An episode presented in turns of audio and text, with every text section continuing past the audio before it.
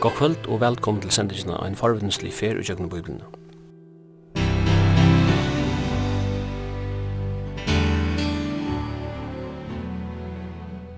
Sendingen kommer av snikkvast om profeten Sefanias i kvöld.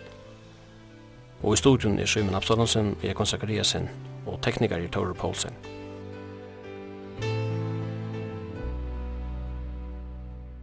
Profeteren Sefanias virkai og i stjøtnartøyen tja Josias sekundje om år 634 Kristus. Og var han så statt ein av samtøyar profeten tja Nahum og Jeremias. Og i fyrsta verset vi grøtt fra at profetsins, halt at til aldraban og i nevntist Ezekias, og hetta kan neivan ha vi nekar annar enn tann Ezekias, som rådde fyrir borgon og Jerusalem av døven Isaias. Sefanias hefur så statt veri skilmauer vi samtøyar kongen Josias. Dómsprofetiene tja Sefinias er øyelig å lesa. Guds vrøye la iver Juda og Jerusalem. Men av døven profetsins kom en stor andalig vakning i landet. Kongeren, Josias, rønsa i landet fyrir avgoda durskan. Lovbøgjen var atterfonden, og fæltje kundi atterfå kunnskap om god fra til skriva i årene. Som vi meina at henda vakning var et urslit av virkjennom tja profeten Sefanias. Bøtjen teler trutja kapitlar. Fyrste kapittel er domsår i Jerusalem og Juda, og i øren kapitlet er det høytninga tjånar. Her er versta bøyda merkje ui, at domsåren fyrst rega gods egna folk vegna frafall tess. Hetta frafall var bei andalit og moralst.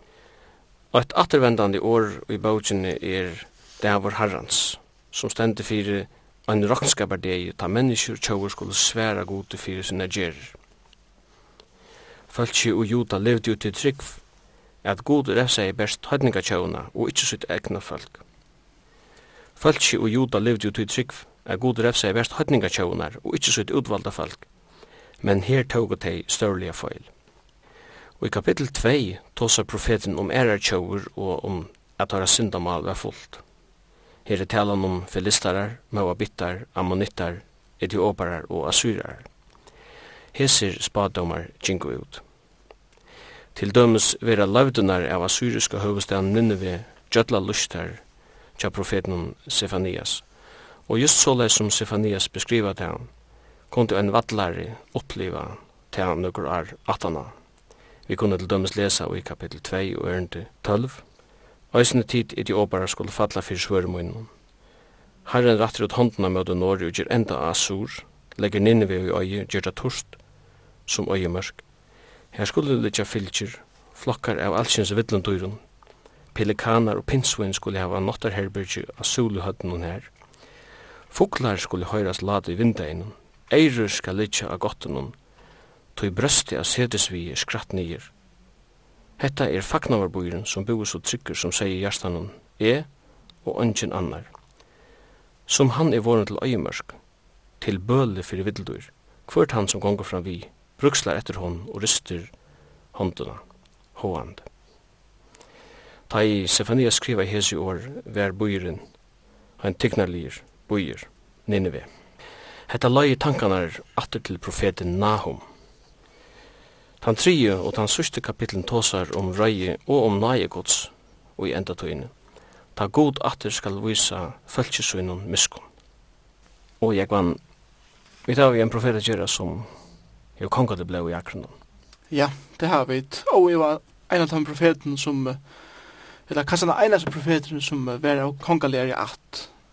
Onkur heldur kanskje at Isaias har vært av kongalærer i at. Jeg tror at han ser ut til i sinne bok at det var nok så nær tilknyttet til kongen og til kongar, men uh, men jeg tykker kanskje at det sier så heldur haft en egongt inn i kongehuset fram og mer der, men uh, Sefanias er han einaste profeten som hever kongal blå og iser.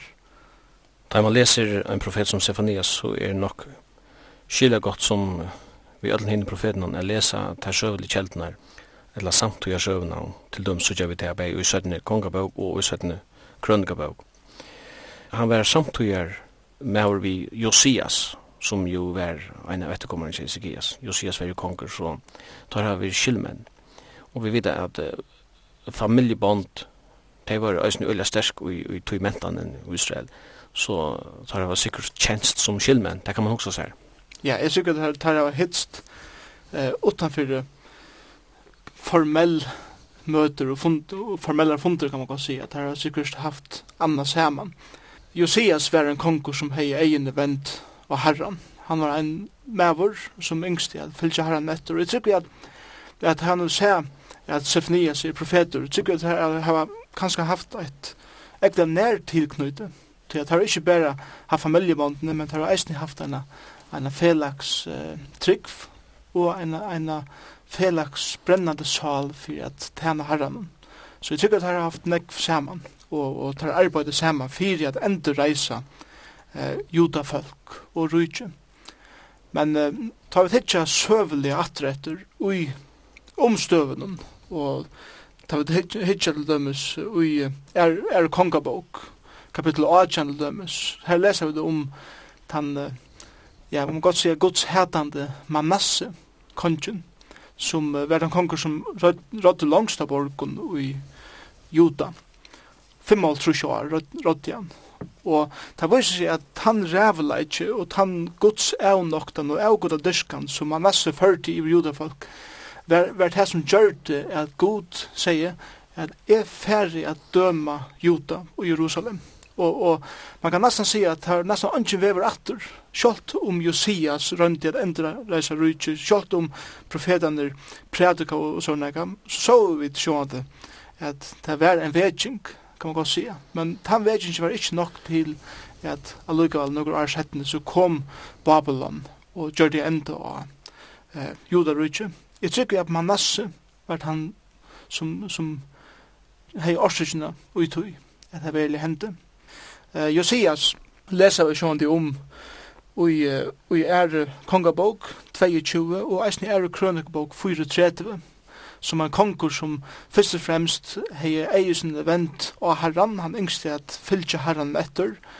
Han var en kongur som uh, en, eisen yngste at endur nutja og endur reisa tempelet og tilbyanene ui tempelet. Og vi lesa selja kanskje ui er kongabok, ta han fann lovbøkurnar og ta han les lovbøkene, hvordan han, han måtte bodja seg sjølvan, og, og, og venda vi fra sinne sint, og, og, han var eisen han som så eh, innførde påskehøgtiden av nudgen og det er ikke vi praktiseret i nek nek nekk var. Så det er veldig vetsing, ser det ut til å være, som jeg tykker begge Josias og Sefanias eh, profeter heva, vi til at, at reisa. Man kan se at, jeg, at samtidig profeter vi Sefanias var kanskje Habakuk og jeg syntes hettene etter var kanskje Jeremias eisene.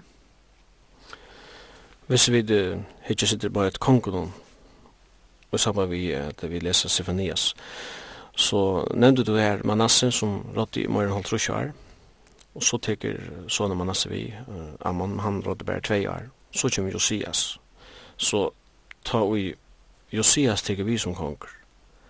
Uh, det är bara två år att han är Manasse lejer. Och där ständer de händan Josias. Han var åtta år gammal när han blev konger. Uh, det är en, en tunger arver litt som åtta år gammal. Att han har en stjøtnotøy på Marhal Trusjar vi vid till mest godleisa og rævliga styrene som Israel har opplevd. Men det ständer att da han var 16 år gammal, altså 8 år, ta for han så søkje herren Så her gikk så åtte år hver han ikke søkte herren, men jeg var en et lærer årsøk er han begynner å søke herren. Det kan hoksas at det er en eller profetisk avvarskan, som vi finner han å søke god. Ja, og vi var.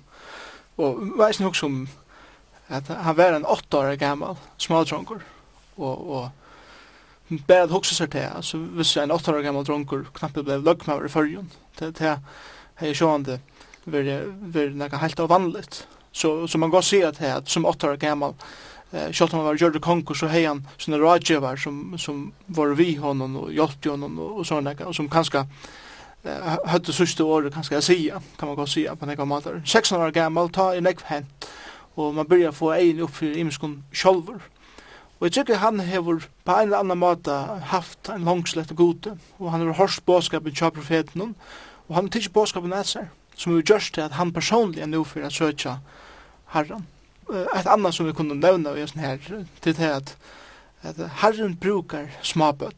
Herren brukar eh, unga dröntjur, unga jenter, åtta år kommer böten till att till att uh, göra sitt arbete i köknen. Og eisende teenager, 16 år gammel og så videre, Döms en 16 år gammel gentle dronker, og det er här börjar söka herren. Hvor veit om han eller hon ikke for i fremtiden har en veldig avvarskan av okkara land, som eisen Josias, hei sutt egna land, tog at ungdom, ungdom synen søkte han herran. 16 år gammal blir han søkja god, men det genga nekv år, at han har til er finna lovbøysen i tempelen.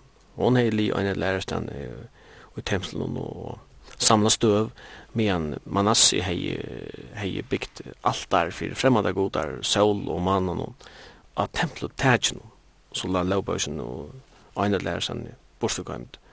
Men nu er hun funnet fram at han har Josias hever hever diska god og i negv var Men da han sa det som stod i lovbøysene, ta, ta radestan. Ja, og det er og helt utrolig avvirskan av han, først og fremst personlig, men uh, det er en veldig avvirskan av alt landet. Og det er nemlig uh, fantastisk uh, at lovbogen skulle være pura borster, at hon hun alls ikke var lesen ut, til at ta i han finner henne, og hun er så slik stor avvirskan av han sjolvan, så kunne det tenke ut fra tog at hun, andre kopier er ikke som så, eh, li rundt æresanna mellom folk. Så, så faktisk uh, var juda alls ikkje under avvurskunnen av, av årene som så fra gode. Kjalt om eh, god tog så menn og tala i jøkken der til profetene sjån som vi tås om her, Sefnias, ein av teimen. Og tanna det av tog ta sjån det, så vært her året som profetene kunngjørte eisen ein pastor av åregods, eh, innblåsta åregods, som blei nyskriva og som settende eisen blei pastor av, kan man godt sija, lovbogene, eller av gamla testamentet. Hetta var så man kan säga Torahin som det hade funnit att och i rockne vi och halta framgångar i skriften är att Manasse han han han utrota i ett spår efter uh, durskanen av Jehova så god Israels men av en eller orsök så hevur han lovbøkjen li her og jeg råkner vi er god til å bevære henne, så som lier. Og her er du de absolutte virene, eh, og i motsetning til det relativa som folk levde jo i, at her kunne Josias føre gods durskanene atter til det opprunalige, det som Moses har lært falsk, det som Gud har lært falsk, og det stod tydeligere ansøkning til det som han har opplevd i sin oppvekst. Ja, absolutt. Og verst, Manasse var i samanborgen vi Antiochus den fjorda, eh, som eh, sjående kommer settene i søvende, fra de sjående min som vi nu stand i. Manasse sett seg fyri at utrota, så nek som møvlet av slånen av Guds lov og, og av tårene og, og av Guds folk i landen. Og man kan godt si at det gikk sånne vel at gjerra det, men ta alt kjem til alt, så her han i syste år, god til syste år, og han, han varvar til syste år. Antiochus den fjore, som uh, rådde i Israel noen år, eisen at han hadde greska rujtje, um, sette seg fire, at utrutta bei lovuna, han sette seg fire at utrutta uh, gods styrkanina i tempelen, og han sette opp altar til at være offra til sin sjolvan, og han offra i svina kjøt, la svin og alt og så er, som alt var beinleis i motsøk til eh, årgods, eller til torra, eller lovene. Men eh, at det ta var god fullkomlig og i kontroll.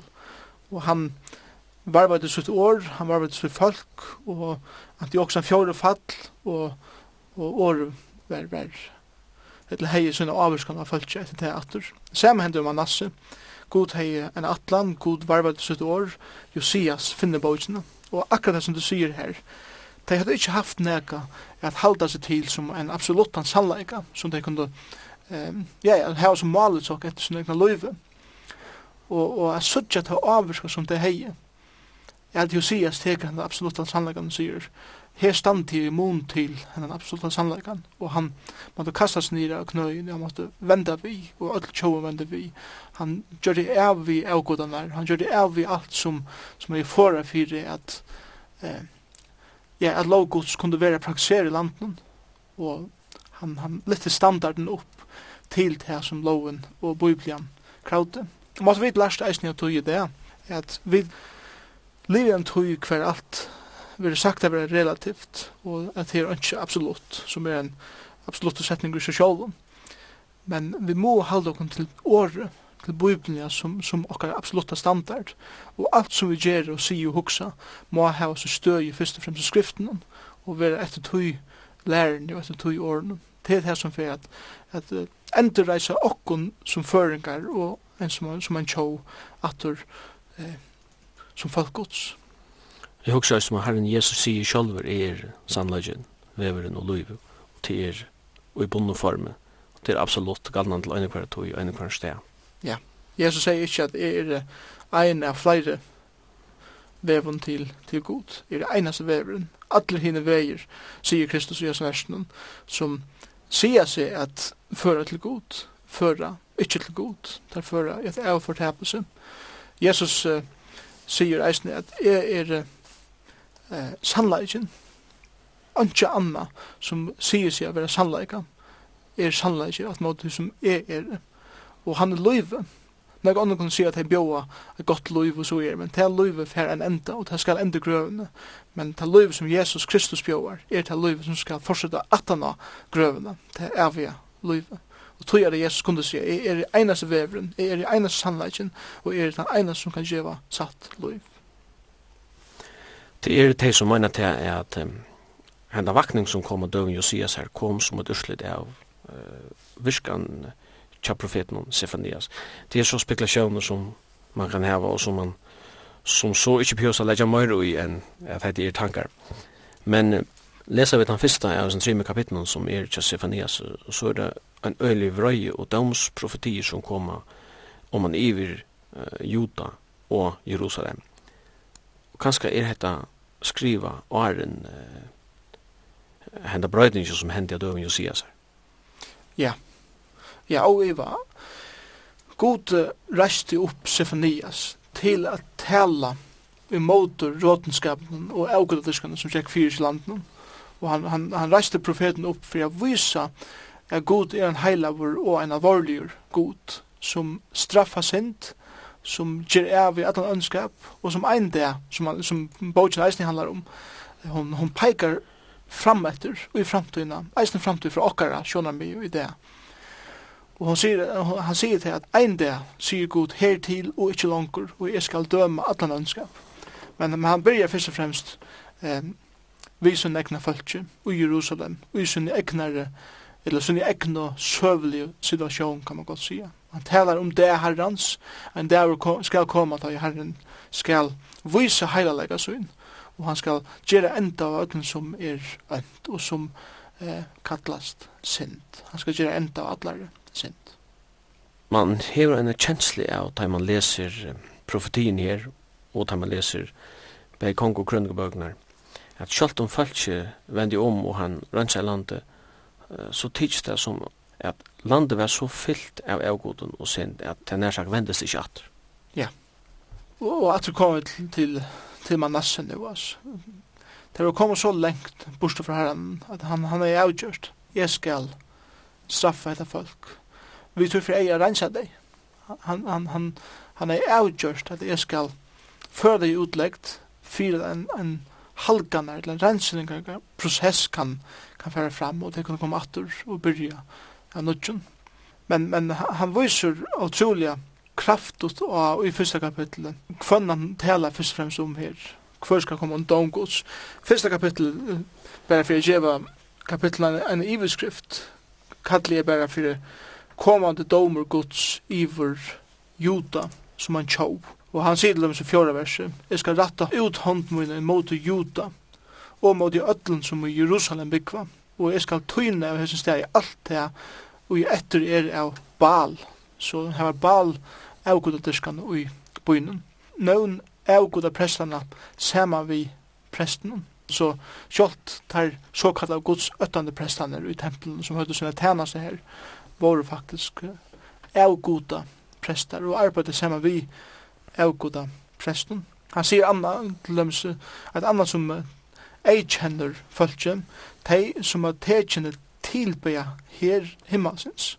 Så, så på anker måte tilbeja de beie sjøtner og mana og kanskje andre ver eisne og så vujer. Kanskje heter det tekjene om at de var kjølt involvera i det okkulta, grunda, og i tempelen i Jerusalem. Var, var nekko kult som seg fyrir seg. Og han, sier, han sier vujer og de som har vent seg fra herran som ikke har leidat til herran eller spurt etter honom, at folk som, som ein det han skal heimsøgja til dem sier nutjen døren og så videre. Og han sier eisende nær det skal henta og i fyrsten døren i fyrsta kapitlet han sier nær er dæver herran sin store han er nær og kjemur brottlige så her, her er akkurat en, en tøyjar freist og han, han sier jo folk at dæver herran ta i dom skal komme er han er nær. Helt nær. Um, Sifonias han uh, vi kan råkna noen ut til at omlai 630 er bogen skriva. Så innanfor holdt trus år la Jerusalem og i øye. Og, og nær kommer han, og han kommer brottelig. Ta i folk ikke råkna vittu. Ta skal Herren koma og gjere enda. Man kan eisen peika det her framme langer framme tøyina. Tøy at vi vet at fra okkara sjåna mi det, så er det av herrans eisen nær Sjalt om eh, det kan godt vi skal lunge okkar tog, så er, så er god utanfyr tog. Men det skal henta en det. Tan dæveren narskast fyrir hver sekund som gongur av, av okkara luive. Og han kommer brottelig Det er, tar vi allar minst vante at Herren fyrir a koma, så kommer han. Og det er det som han sier her, eisen vi, vi judafolk. Og han sier så i 15. til 18. årene, hver fyrir henta? Og han sier at dette er en vreie dæver, da i god skal utøyse sånne vreie iver falskje. 15 dørende vreie dæver er han dæver. Dæver vi nei, vi trångt, dæver vi kolvelting og øying, dæver vi myskri og nye, dæver vi skudjon og mjørska, dæver vi luraljóve og herrope, måter hinn vudgjerde støvun og hinn høvo murtinten og så videre. Så han omtalar en, en øde nei som gonger fyrir seg, han omtalar krudj og herna, Og så er alt det her skal komme og ræpande om man iver Juta og Jerusalem. Årene der var herrens tid er nærsagt et likla år i Sefanias. Det var brukt utrolig ofte. Og det er ikke bare Sefanias som brukar det her. Vi så ikke det for eksempel til eh, Joel og Øren profeten. Det er okkur ungt å spekulere på Ta vi tås om det herrens, tås vi ta om en bestemt av det, eller finnes det fløyre det herrens i skriftene kan det också säga till en dävr herrens fyra, en tjau, en mentan. og det finnes en annan dävr herrens fyra, en ära tjau og mentan. Ja, det dävr herrans är sjående inte eh, endelig akra ein 24 timmar dävr, eller ett døgn, som vi kallar det. Eh, dävr herrans är heldur en titel om domgods, ja, domgods för att komma över alla sent. Dävr herrens fyra judafolk her Josefinias vær ein avvist tui ta og herren seg her til og ikkje langer, og han sendi herar Babylons måte Jerusalem og førte folk i utleggt. Joel tåsar eisen om det herrans, Zacharias tåsar eisen om det herrans, samtidig som det tåsar om domgods nærværende, så peikar det fram etter til ein det herrans, hver herren skal gjøre enda av ötlen ønskap. Tan det herrans er ikkje kommen enn, På en måte kan man godt si at det er herrens er her bænt nu, tog at herren han straffar enn det, han, han vidger sint enn det, men Bibel sier, da man tar seg om det herrens, så hugsar man kanskje som oftast til enda tøyina. Ta og alt skal komme til endan, herren skal tega sint, han skal tega satan, og han skal kasta Satan i helvete, han skal gjøre enda allar synd, öll ønskapet, og han skal sjálfur koma og grunta sitt evige rujtju i rattvise. Alt det kan man godt si innebær eh, det herrens. Tals vi kunne tås om ein globalan, alt omfædande eh, det herrens, og for framtiden, men samtidig tås vi om fløyre det er herrens, bæg i nutøy og i fartøy. Ja, ja, det er en god løsning jo det herrens.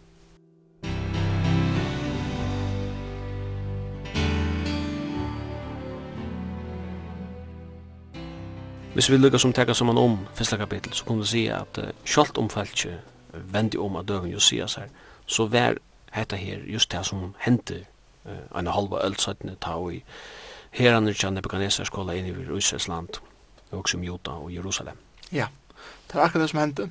Det var avverst hvordan enda fyrsta kapitel, han sier hverst silver terra, eller, eller godl terra, skal være ment a bjarga teim vrei det herrans. Det var ofta så at uh, om en, en futsjende herrer kom i motorene boje, så rønte der akkurat man forhandla, og, og, og heldur at, at kjeipa seg leis kan man godt sige.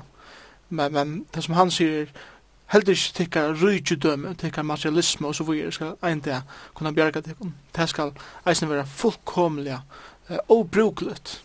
Og det tjekka ut, som du sier, halva aldri halvtrus år settene, Babylon var enn ikke blivet en heimskjå som så uh, under Stefanias.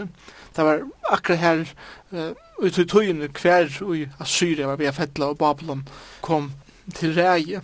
Men uh, det var trutjar uh, herleiingar kan man godt sige av Babylon i Jerusalem og Juda. Den første var, var år 605 ta herja i eh, Nebuchadnezzar første fyr av Jerusalem og det var her at Daniel til dømes var tidsen i utlegg til Babylon. Så gjerne er for under i høya Kim, eh, og jeg er 525 her i en atur, og det er her kanskje at Ezekiel-profeter var tidsen utleggt. Det var flere konger i Juda, at han hadde, det, selv om Babylon kan man godt si er rådde i Jerusalem. Så det var akkurat som, som dukkekonger, som, som uh, bare hjelpte Nebuchadnezzar vi, ja, vi, vi imskon. Men uh, jeg tror at den seneste kongeren gjør det oppreistur, så får Nebuchadnezzar til Jerusalem og leie byen fullkomlig øye, knuste tempelet og muraner og så videre, og det var år fors. Og det var ta særlig at det som uh, Sifonias eh, profeterer her i første kapitlet, tjekke ut. Og, og Israel var først til Babylon i utlegt.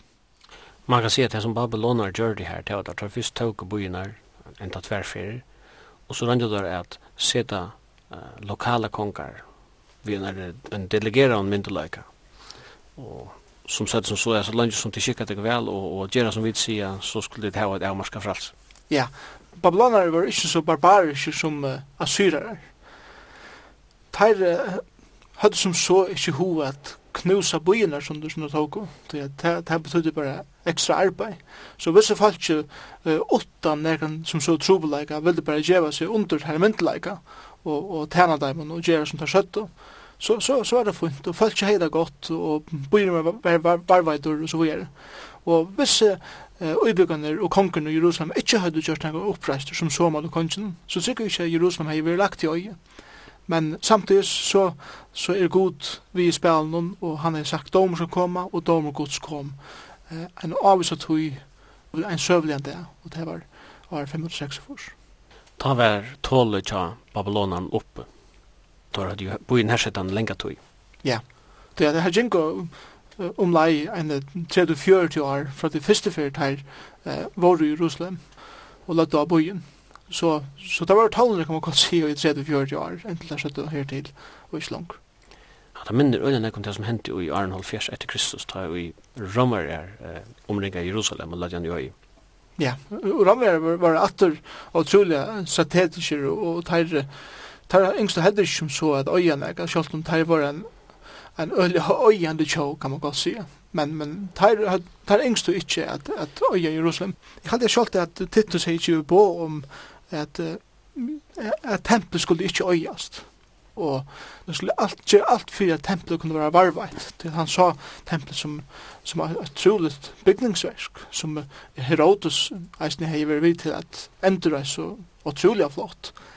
Men av en eller annen kom eldur i tempelet, og, og det gjør det til godle smelta i, og som at det gjør det til at hermenn som så det godle vil det ha fætrøyd og det var det som gjør det til at, at steiner og man steiner på tidsene av tempelet, for det var fætrøyd skuddelen som var rundt i middelen av det senere og så les var tempelet eisne ta lagt i øy. Og så les ikke året Jesus her ut, Her skal ikke være den stein etter stein. Akkurat. God er her alle tøyene vi kontroll av åttens gang fyrir. Jeg hadde Josef å skrive om det her. Jeg mener at det var en hermaver som tvart en fakkel inn i tempelet. Ja. Av handa hekvi, og så kom eldre ui. og Ja, det var, det var miskavene eldre kom ui. Det var slett meningen eldre skulle komme i tempelet.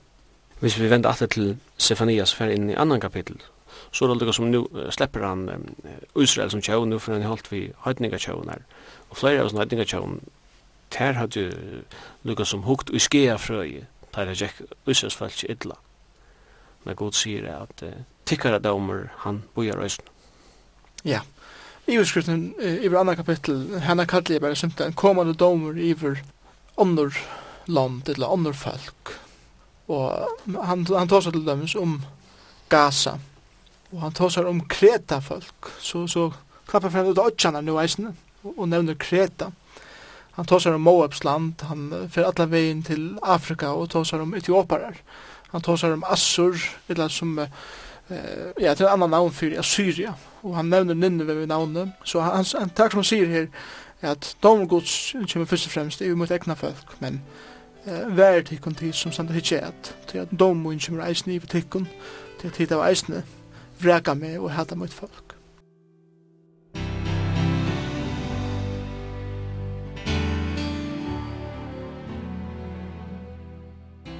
Ta vi søkja fyrsta kapitel så har vi til Israels folk, men i øren kapitel så er det hattningatjavna til dreier seg om.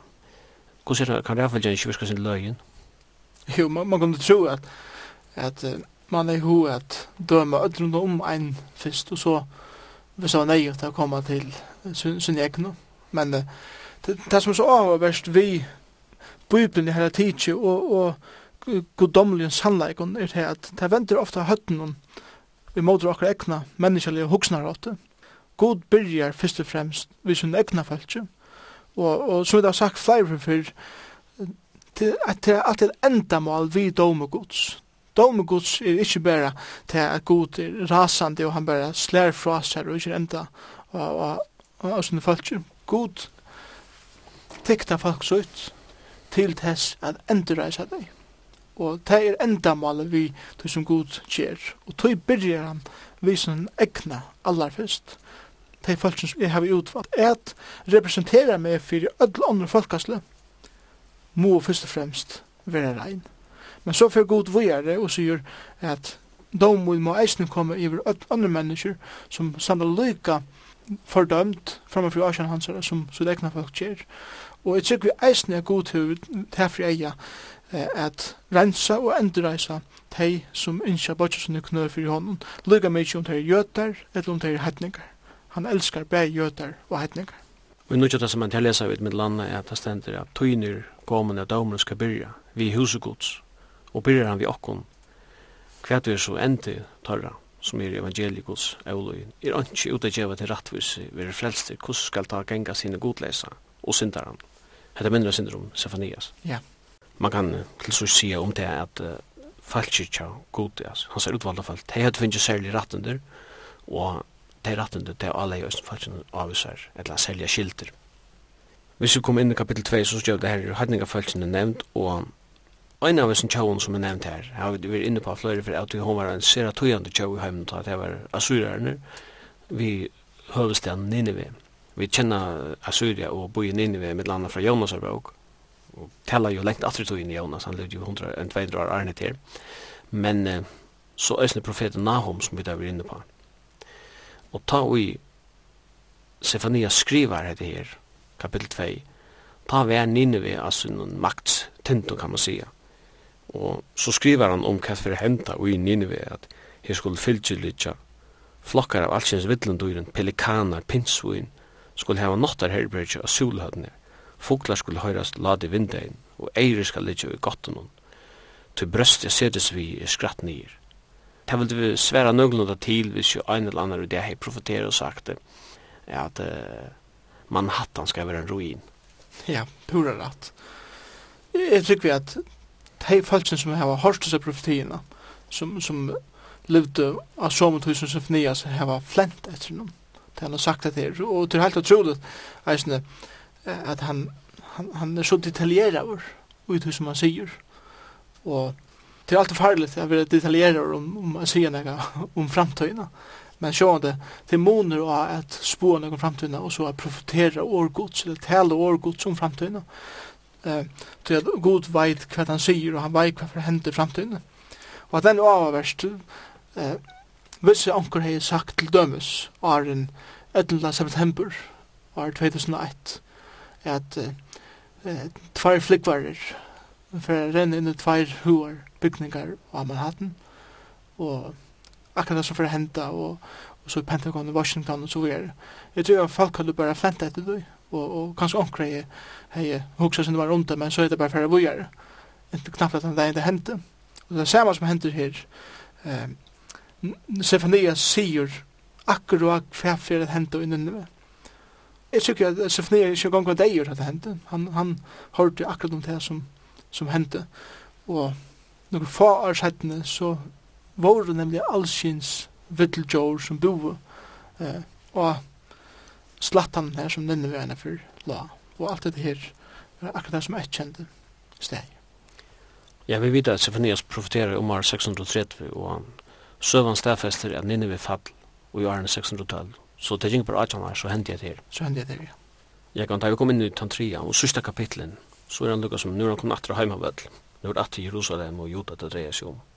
Ja, da jeg hittet tre kapittel, så, så har vi tver i utskrifter i tre kapittel, og det er at nu vender god atter fra heidninga tjån som han har tås om i øyne kapitlet og vender seg atter til Jerusalem. Så det er akkur som han endar her som han byrja i atter. Og det er den første tjei versen og så fra 8. vers ut til 20. vers her var den utrolig kontrast og vi leser her om kommande sikningar og nøye gods iver suttfolk og folk hele tiden.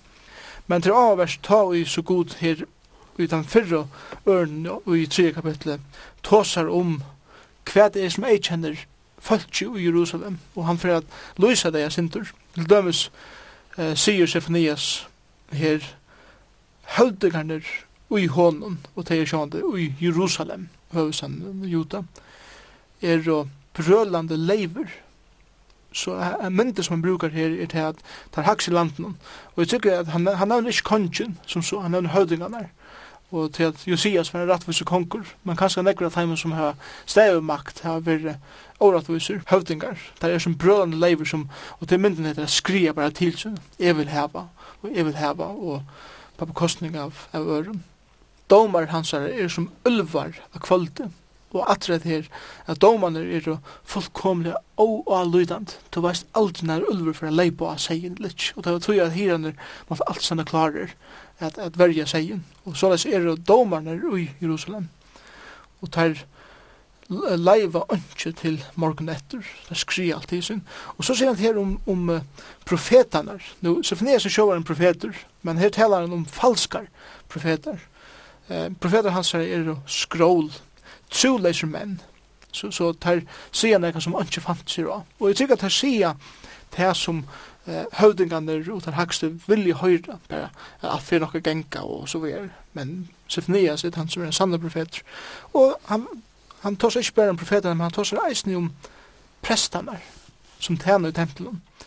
Prester hans er vannhalka til og heilagt er gjør ivergengsversk og imoter lovene. Så, så og det avversk hvordan omtalar domarar og herhøvdingar og profetar og prestar. Alt personar som standa við nekku myndleik og uibúin. Alt er kauråtne helt innanfra. Man kan si at det er ikke bare forfattelig andalig, men også sosialt og moralst og politiskt. Ja, alt er i ruin, kan man godt si. Og bygg til dom. Ja. Hvis vi leser 8. vers på 3. kapitlet, så så gör vi det profetier som som uh, hycker längt fram i tiden och ganska stadväg ligger ligger framför. Ja, till överst för att lycka att förbinda det sövliga allra först. Det är att som det har sagt i profeten att god talar dom, men han talar eisen sikning og og og hesa søstu örn i 3 kapitli og i Sefnias bók her her er sikningin som, som er lust, er god atlar at sykna sitt folk. Men han, han hekker nu lengt fram i tøyina, lengt fram av hans egen tøy, og eisne fyrir okkon som livet det enn framtøy. Boi mer tøy, sier Herren, til den det er reise meg til at teka herfong, til dommer mun er at er saune hetninga folk, sanje saman rujtje, og hettle vreie mine om man ivet hei, atla brennande vreie mine, tog av vreie elde mine, skal öll jøren vera løgt og i øye. Og hessen dæveren her, er han dæveren som hine profetene eisen taler om, Joel taler om han, og, og hette, hette er den store dæveren, Armageddon, ta og herren skal endale gjere enda av öllum, ta ui herrar gjerrarinnar, kan man godt sia, er samleir ui Israel. Det er det søvliga geografiske Israel i det, skulle være samleir i Jerusalem og motor falskegods. Og, og sjående ut i motor god og sjolvun. Og ta skal eh, Jerusalem og Israel endalega råpa til Herran og hjelp. Og ta skal han koma til hjálpar og han skal gjøre enda og öllum som har steg i Israel motor, og som har steg i god til sjolvun i motor. Og hessen dæven vi sjåne nek omtala over eisen i nødja testament. Jesus talar om han og i Mattias 24-25 og vi leser eisen om dægen i oppenberingsene særlig kapittel 19 og 20 særlig 19 kapittel leser vi om at Herren skal komme som en røyer i en kviden hest han skal kjøre enda av ødlen og kappan sender konkur konkan og herre herrene Og om bergens nøyjan talar om hvordan heraner, herar heimsun standa klar til krutsk antikristus, og der som fylgjer honom standa klar til krutsk, og han skal koma, og han skal gjera fullkomlig enda vi svørsen og ötlun, og, og, og, Johannes løyser fyrir og nøy oppenberingsne om alt blóvi og kjøt som ligger sløtt rundt allas, han bjóar fuglen himma som skal koma at festa og ete av kjøten, så, så utrolig stórer er er som bare den. Og, og er det sånn der, og i omberingene snakker han om hvordan rævligt, ja, blåvet det skal være opp til vokselhestene og, og så videre. Øyelig dramatisk og grusomt lust for okkum. Men hatt er en måte at lýsa på kussu rævlir dæver herrens Armageddon verur som Sofania 16 talar om her i 8. dørd. Det er så hoksa om at uh, det mest kontroversiella områden i heimen och i det. Alltså land och öch till Israel. Så kan man säga det borde finnas ett kvart huxande människa att stäcka av och lära sig till skrifterna. Ja, det är pura rätt. Och, och det är en ägg för människor som, som lära sig till skrifterna och, och som suttar att det här som händer det, det är inte bara något som händer av tillvilt. Det är något som händer som har varit skriva för en ägg för några år sedan som Bibelen lyser så vel. Men det, det er ikke jeg også uttøy at det som gonger fyrir seg i heimen det, eisen det som gonger fyrir seg utanfyrir eh, landet utanfyrir i, i Israel som så, kan på en eller annan måte lykka å være spåra atter til hva det er som Israel gjør, og, og det snur seg rundt om Israel. Og, og en dag så fer ein en koma som fer loksins er få fri i lea og i mies. Og Og det er videre vi, og vi snakkar nekv om det, og vi tar høyra fjellmennene snakkar nekv om ofrien, som er i Miesre. Vi tar høyra nekv tala om eh, fria samrøyengar som, som er i Miesre. Eh, nekvar underskrifter i kjørtar, nekvar hendur hever eh, ja, teknar i er, for at eh, for at jeg håndna hver nøyren som et symbol på sottmål og så videre. Eh, men tar fettla atter og atter. Eh, frieren vil bråten atter atter. Men Bibelen sier helt klart at ein dag skal ein maur stå fram som skal utvendiga for friere. Og det ser ut som at nu er frieren kommet. Og, og Bibelen omtaler at han personen som antikrist, som ser ut til å være en fantastisk leier, som han, som han eisen verer, og han ser ut til å alt på plass. Men innan nu er han stordra satan, og han fer atna en tøy vi rei at leta syna synes satan så avvurskan eisne fløyme iver Israels folk, og han rævlig tøy til komme iver hjørna, og omberingsen eisne omtalar alt det her.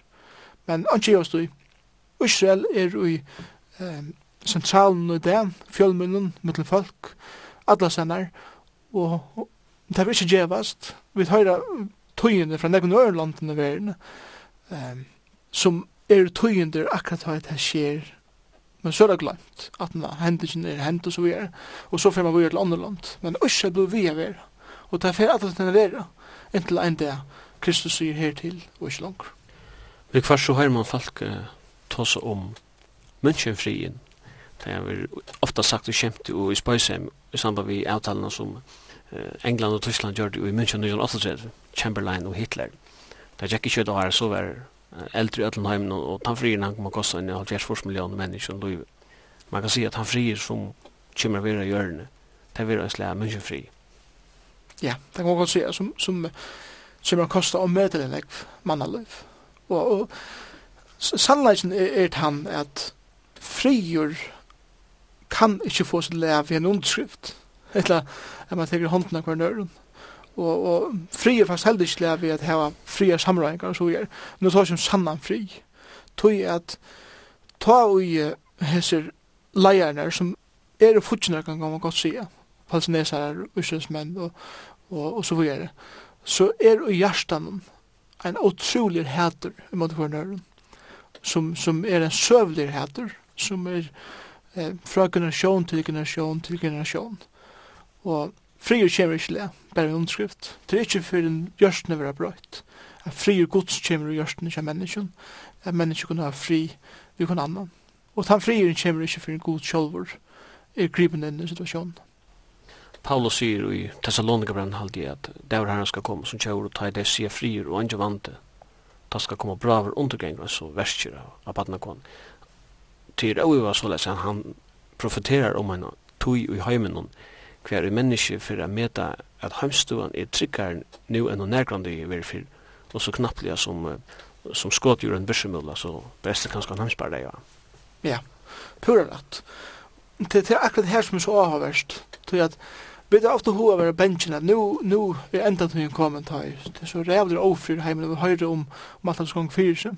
Men på eivanda, det som deg er hitje etter, det er nærferdig verlig a lysa at nu er frigjur loksens kommen, ta kan du sige, ok, nu vil det kjøtta være, at undergengur ver. Hvis noen onker sier, vet du, jeg har lyset her i bøyden, jeg blir øyla bensjen av.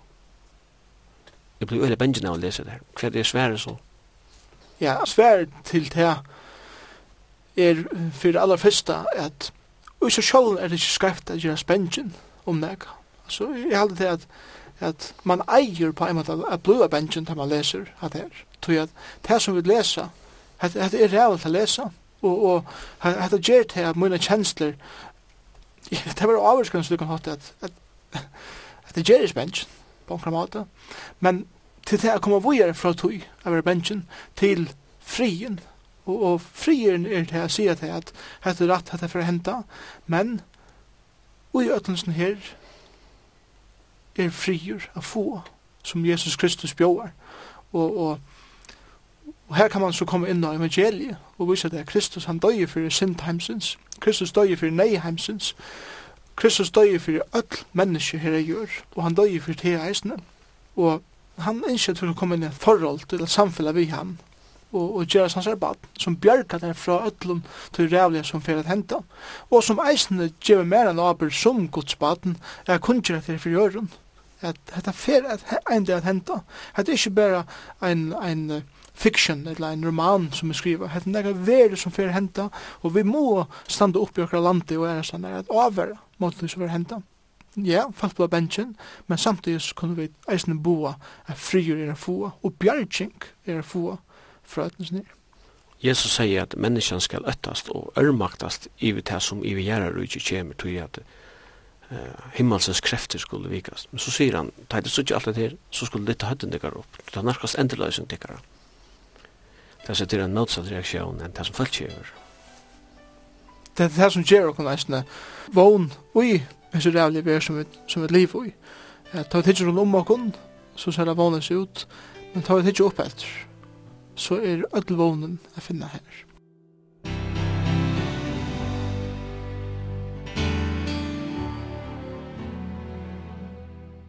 Da man leser de sørste versene i Sefanias, så er det nesten som at man ser blika lagen at han har en øyelig øden. Han tosser om nøyene som skal komme i folkgods.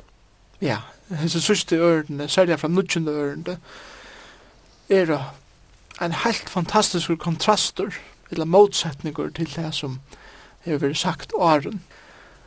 Lad oss bare lese omkring disse versene, bare for å løse det det er et underfullt år, og jeg halte at, at hese årene kunne eisene eh, ventas til at være lisen opp til lømmes og møten, og en tilbrenner møte til lømmes, etla og gjerne flotja av folk, kan vi ikke tilby herran, og takk henne for alt som han gjør for oss, og hver er underfull atlanen hever vi i falsksynet som vi er. Så bare lese hese versene tja Sefanias, og så leis tilby herran. Nudgjende ørende, Tui ta skal djeva tjóun og nudjar reinar varrar, så tær allar akalla navn herrans, og tæna honum av einum hjarta. Ur landen hinum min onna, Etiopia skulle tar koma vi tilbjeren munum, spjatta falki munum, som offergave til mun. Tan der skal du ikkje langur skammast iver at verstuinne, som du har misbrot imot mer vi, Til ta skal jeg rutta bort og kjatt her teg, som så stolt feknast mitt ut her, og du skal ikke langer gjøre til sjåan, ståran, og heile fjallemøyn. Nei, jeg skal lede være etter ut her, ei mjukt folk, som lydde hever av tøya, og de skulle heva navn herrans til løyvd søyna. Løyvd Israels skal ikkje gjere året og ikkje tala leggen, ikkje skal være svika fullt tunga og i munnet herre. Nei, de skulle finne føje og liv og i frie, og ånden skal ria til. Gled til størlige døtter sier. Let høyrast fagna Israel. Gled og frø til av fotlen hjärsta døtter Jerusalems. Herren er tidsi bort revsedommer tøyner. Han er rutta bort futsjenda tøyn. Konger Israels herren er tjater. Du skal anki ilt sutja oppater. Tan det skal være sagt ved Jerusalem, øttas ikkje, Sion, miss ikkje måte. Herren godtøyen er tjater, hetjan som frelser. Han feknast ivet her vi glede. Han tiger i kærleika synnen. Han frøyest ivet her vi feknai. Tei som vi sorg, sakna, høgtøyunar, saunie. Tei er av ter, vann era, tinger tei nyer. Ta skal jeg heva vi allar teir a gjerra som hava plava til. Jeg skal frelsa til og i haltar og sauna saman til og i bostur i rykje. Og jeg skal gjera tei heira i og navn kiten om alla hjørna her tei hava vere så vannvirt. Ta skal jeg leia tikkun her. Ta skal jeg sauna tikkun. Ta jeg skal gjera tikkun navn kiten og heira mellom öll folkaslå hjørna. Ta jeg fyrir eion tikkara vendu lagna tekkara, sier Herren. Underfodle år som, som Herren gjør falskvinn her. Man kan si han tåsar om en tog i hver i Israel vil være samla atter i sin egen land fra öllun heidningum, fra öllun falkasløven. Og det sier seg selv at for å kunne samla det, så må det først være spjatt ut med falkasløven. Ikke en gang det var hent av døven. Sefanias. Nei, det var verst han sier, men jeg skal, skal føre deg en atter ta det steg spyrja dem, men det er jo ikke færre nekra stedner. Og det er jo det som hendte fyrst i år 605, ta jødene byrja og så er og så får alt falskje i år 506 Men vi minns eisen til at det har vært ein utspjering av falskje gods hendte åren til, og i år 622, ta jeg syrer, tok ut her 28 der, som var sendar ut i utlegt. Og jeg trykker vi at hese årene i reisen fyrt her atnar, som er folk gods. Og sjåan det hendte til atur koman til loja landi, hendte sjåan det atur attana at folk kjever i utleggt i Babylon til kom attur om lai var, 530 vil her lei. Men eh, så gjerne til jeg, rent søvlig, har folk kjever vi kom atur til, til landet. Og vi vet at her, og det er snitt at, at jødene som er spjøtter rundt allan heimen, streyma atur til Israel. Og vi leser om russiska jøtar til dømes. Og jeg høyre beg om vysna menn og om professorar imskunslea, om, om uh, topp tonlisar menn som, som har haft sitt daglige yrkje i Russland og, i øren London og Estre. Færa heim til Israel, for jeg slipper heim, og her gjerast der gadefeirar og tar tega størv som kanskje i okkar eion hava luti og tuja, men tøya er ikke slava heim til sutt heim. Så akkurat som god skapen nek og sin falsk i det er jøden, han er langslen, er byggvo i Russland, er byggvo i New York, og til New York, den største parten av jøden er i det. Lukal er en langslet. Ja, det er heima, men er at nu veri heima, og det er langslen er slipper heim. Han gjørst alt sterskare, og sterskare fyrir jötanar, Og jeg tykker at at det som er byrget det for at vi er enda sterskare i fremtiden.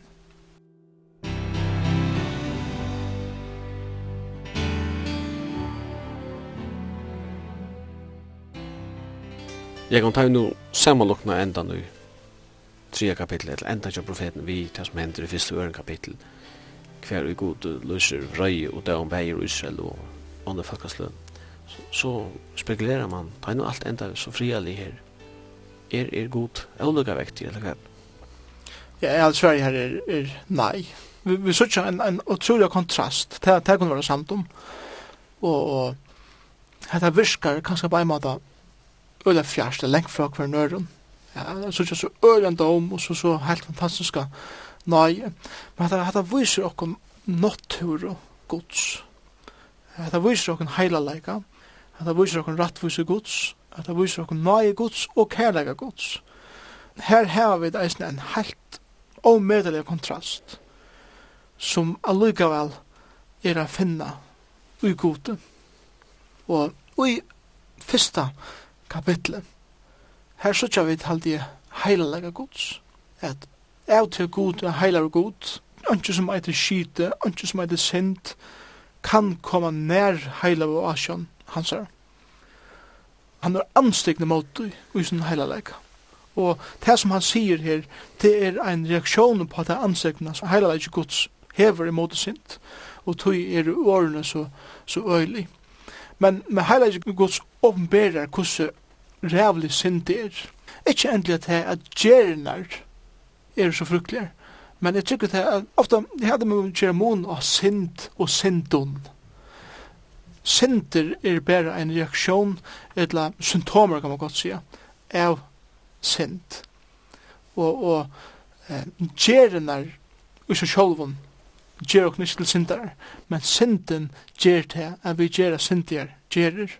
Og det som god heter er det at sutja hos skiten og tviten synden har vi gjørst menneskene. Og så heter hædrar eisen sånn det som er østligt av synden som er menneskene, alt det der rævlig som ganger fyrer seg i, i landen, eh, vi er god og duskan, gods hætre og, og, og menneske hætre og så videre. Men i hessen baun kapitlen sutja vid eisne rattvise gods. God er heilavur, og han er rattviser, til seg det samme som at god er rattviser sinne dømer sint, og han skal gjøre enda sint. Og det sørger vi uthelt her, da jeg god sier at jeg skal hedla vreie mine iver falskje og iver syndene. Og det er det som god krever. Heila leik gods krever at synd skal være rattvist vidgjørt. Det er hun skal være utrota fullkomne, og hun skal være knust sunder. Men til betur hever god eisne erar eileikar, og det er nai og kærleik. Og det som vi leser her som den veldig kontrasten i tredje kapitlet er til at Gud sier at jeg skal vise til kunnaie. Nå, ikke bare bekostning av sin heileleika og rattvise, slett ikke, men at sjølt ui sin rattvis, ui sin heileleika, kan Gud eisne uthetla sin nøye. Så spurningen, hvordan gjør han så til? Og det gjør det han rent søvelig, ta og han tok av seg sjølvan domen som heilalegin vusti av og som rattvusen kraute og det var det som førte herre Jesus Kristus ut av krossen det var det som gjør det Jesus einsamadel spredte armene ut av krossen og let mennesker negle han eller seg sjølvan til en kross. Han kunne godt haft sti nere krossen og fora dem han kunne som han sier sjolver hava kalla enklar og, og bjerga seg. Han kunne jo stige ned i krossen og gjort enda av ødlom her, bant her som han stod. Men det er ikke det som han gjør det. Jesus, god sjolvor, sier at menneskjan kan ikke, hun kan ikke, at hun er så råten og syndu som hun er, hun kan ikke finna veien at til mun.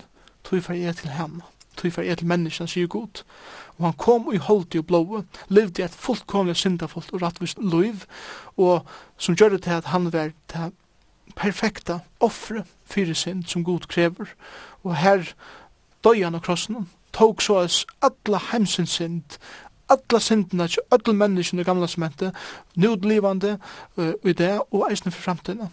Synden til öll menneskene er golden fyrir, og det som Jesus sier er eisne til at, tog imot i koma til moin, tog jeg tid er en synda fot mennesker, de må få at tekkar fyrirkjøving, og i mer, tog jeg god tikkar et mer, og så ser han tikkun i tjøkkene med, men tog jeg god tikkar beint at tikkun er til syndarer, og til det var oppbore hans her, rei og dom, men tog jeg er og i mer, tog jeg gjør tikkar lov til moin, be om fyrirkjøving for syndna, og er fyrirkjøving tikkun, så hikker god et her i tjøkkene med, og han elskar det, og han teker seg, eller teker til, til søgn. Og så leis viser god nøyesyn og kærleikasyn. Ikke bare til at han gjør folk til liv, en nødja byrja, nødt hjärsta, men han gjør dem eisne alle de sikningar som kommer vi til, og bøyben er full av alle de sikningar.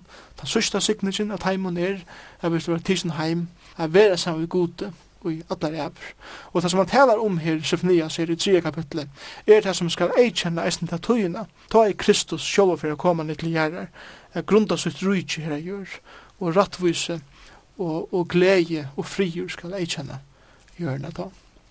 Man kan sige at uh, vi enda i Sefadias, vi motsatt en forskning at du som bøgjen byrja vi, først var det Israel som ble rakt av dem, og så hatt nega falskene, her vender god lakne Israels, og den sikning som han lette komme i Israeland, han kom høytningan øsne av få lot og han sier her i sista vers, jeg skal løya tikkun, jeg skal sauna tikkun, tog jeg skal gjera tikkun navngiden og høyra mittlen öll folkaslø av hjørn, ta jeg er fyrir egen tikkara, vende lakne tikkara, sier herren. Så er öll av hjørn omfattig. Ja, og, og, og Israel sender som en vittnesbord i hva er som godkjer, vis visut folk Så, så det, det, det er fantastisk å sutja at det som god gjer ui einen av som falskje gjer det at folk sutja at her er nega fantastisk som skjer og jeg sikkert at freisen gjer det at det venda vi til god Allar sust jeg han hver sutja vi Kristus og Isabel Ja, vi da kjann tåsa langt nek om Kristus, Sier at jeg har tås om det herrans. Kristus skal være at han som utfører det herrens. Han er han som en dag skal gjøre fullkomne enda og atler synd og atler årettvise. Og åpenbæringen nøytjan omtaler til. Så, så Kristus skal uthette domene som Sofnias profeterer her i bøkene. Men vi leser dem så i 3 kapitlet, vers 5. Her leser vi at Herren er rattviser inni her. Han gjør ikkje året. Kvann morgon leter han domsut koma fyrir ljóse, det vikas ikkje. Og bare lukka en titel som jeg husker om her, det er ljóse. At, at Jesus er ljós heimsins. Han var som ljós jo i myskrenan, og myskre skilt ikkje ljóse, det er Johannes 1. Og det er akkur som han sier her, følt at, at alt det som tid suttja, og alt det som det gjerra, må være spekla ut til ljósen som er vise, Og her sørger vi så Kristus og i tog. Og et annet sted, det er i åttende øren, det er her sørger vi atter Armageddon. Bøye, mer tog, sier Herren, til den der er reisest, eller jeg reiser meg til å tega herfung. Til domen er at jeg skal sauna hettninga folk, sanka sama rujtje og hella vrei munna om man evit hei. Alla brennande vrei munna, og så videre. Så her sørger vi Herren Jesus Kristus som domare som skal som standa som vittne i motor, öllun, tjovun, heimsins. Så gjerne, og i 15. ørende, en titel som jeg husker som her beint. Her er titelen Kongur Ustrels. Og ta Jesus vær føtter, så sier Angel Marie at han skal roa. Og englander søtter vi hiranar, kongur er føtter, og, og så videre eh, Simeon og Anna i tempelen da Jesus var born inn, de så kongen. Uppenberingen nøytjan leser vi om at da Jesus kommer rujande av kvite hesten av kappene så skriver kongur kongana og herre herrana. Jesus Kristus er den lova i Messias, kongeren, som er i vrøtten kongen, som ein dag skal roa fullkomlig, som kongur kongana og herre herrana. Et annet som er avhåverst i Sefanias er til sjålt navnet Sefanias. Navnet Sefanias mestjer er vera fjaldur av gode. Vi leser et lydig åraspel i ørenkapitlet. Her leser vi Søkje herran øttid eimjuku i landen, tid som halda lovhansara. Stundi et rattvise, stundi et eimjukleika. Og så leser det her. Det kunde börja at vi var fjalt freie det herrans så ut i hebreiska lesa vi, det kunne bor så at vi vera Sefanias, vreie det herrans.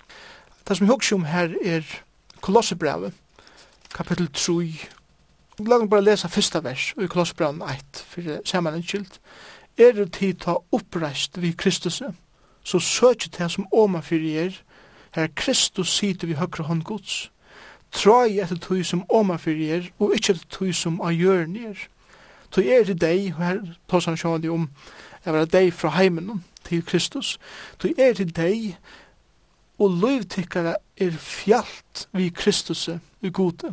Samme året som brukt her, eh, Sefanias, er var fjalltur til her, eh, jeg var vartur, omfentur, fjolkavur, fjaldur av, av omkron, og her er det Kristus, Kristus, Akkurat som vi sier i Johanne, ta i god tykker et menneskene, så er hun fordømt.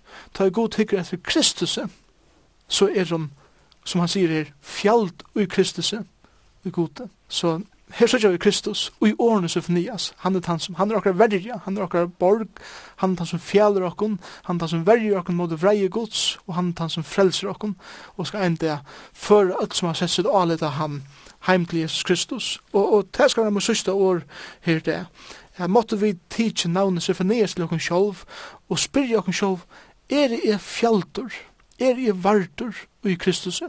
Tui om, kære lorsar, du ikkje er vartur i Kristus, så stendur du i for dome gods, og dome gods er til at ter bojar eit evet fortabelse, som Bibelen kallar for helvete, men god innskir ikkje nekka skal færa i etter sted, og til tui han givi okkom Bibelen, til tui han givi okkom sonsun Jesus Kristus, fyrir jeg bjerg okkom fra helvete, og tøy må vit venda vi fra sint. Vi må akkalla Herre Jesus Kristus og be koma fyrir jo synden okkara, jotta synden okkara, venda okkon til ham, bjå hon inn i okkara liv og sier Herre, kom du inn og frels meg, gje meg nytt liv, en nytt byrjan sammen med mer, og han skal koma ut til løten til råpar, lyga mykje hver du erst, om du sitter heim eller hver bil, og han skal gjøre nytt byrjan, et nytt liv, et evet liv, bjergjeng fra ötlun, til rævlige som bojar, og bjergjeng og jøkken løyve, lykka mykje om løyve kan være tungt, og det kan være sjuka, det kan være sorg, og det kan være sakner og einsemme, så skal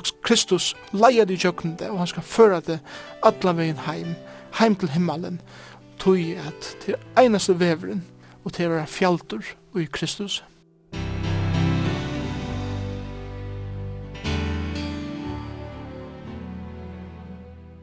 Og vi har sånn åren så færre vi at takka for jokken i linden i kvöld. Og i studien var Simon Absalonsen, Jekon Zakariasen og tekniker var Tauro Paulsen. Og vi skal så si at henda sendingen er at høyra først mykje kveld klokka 9. Takk fyrir.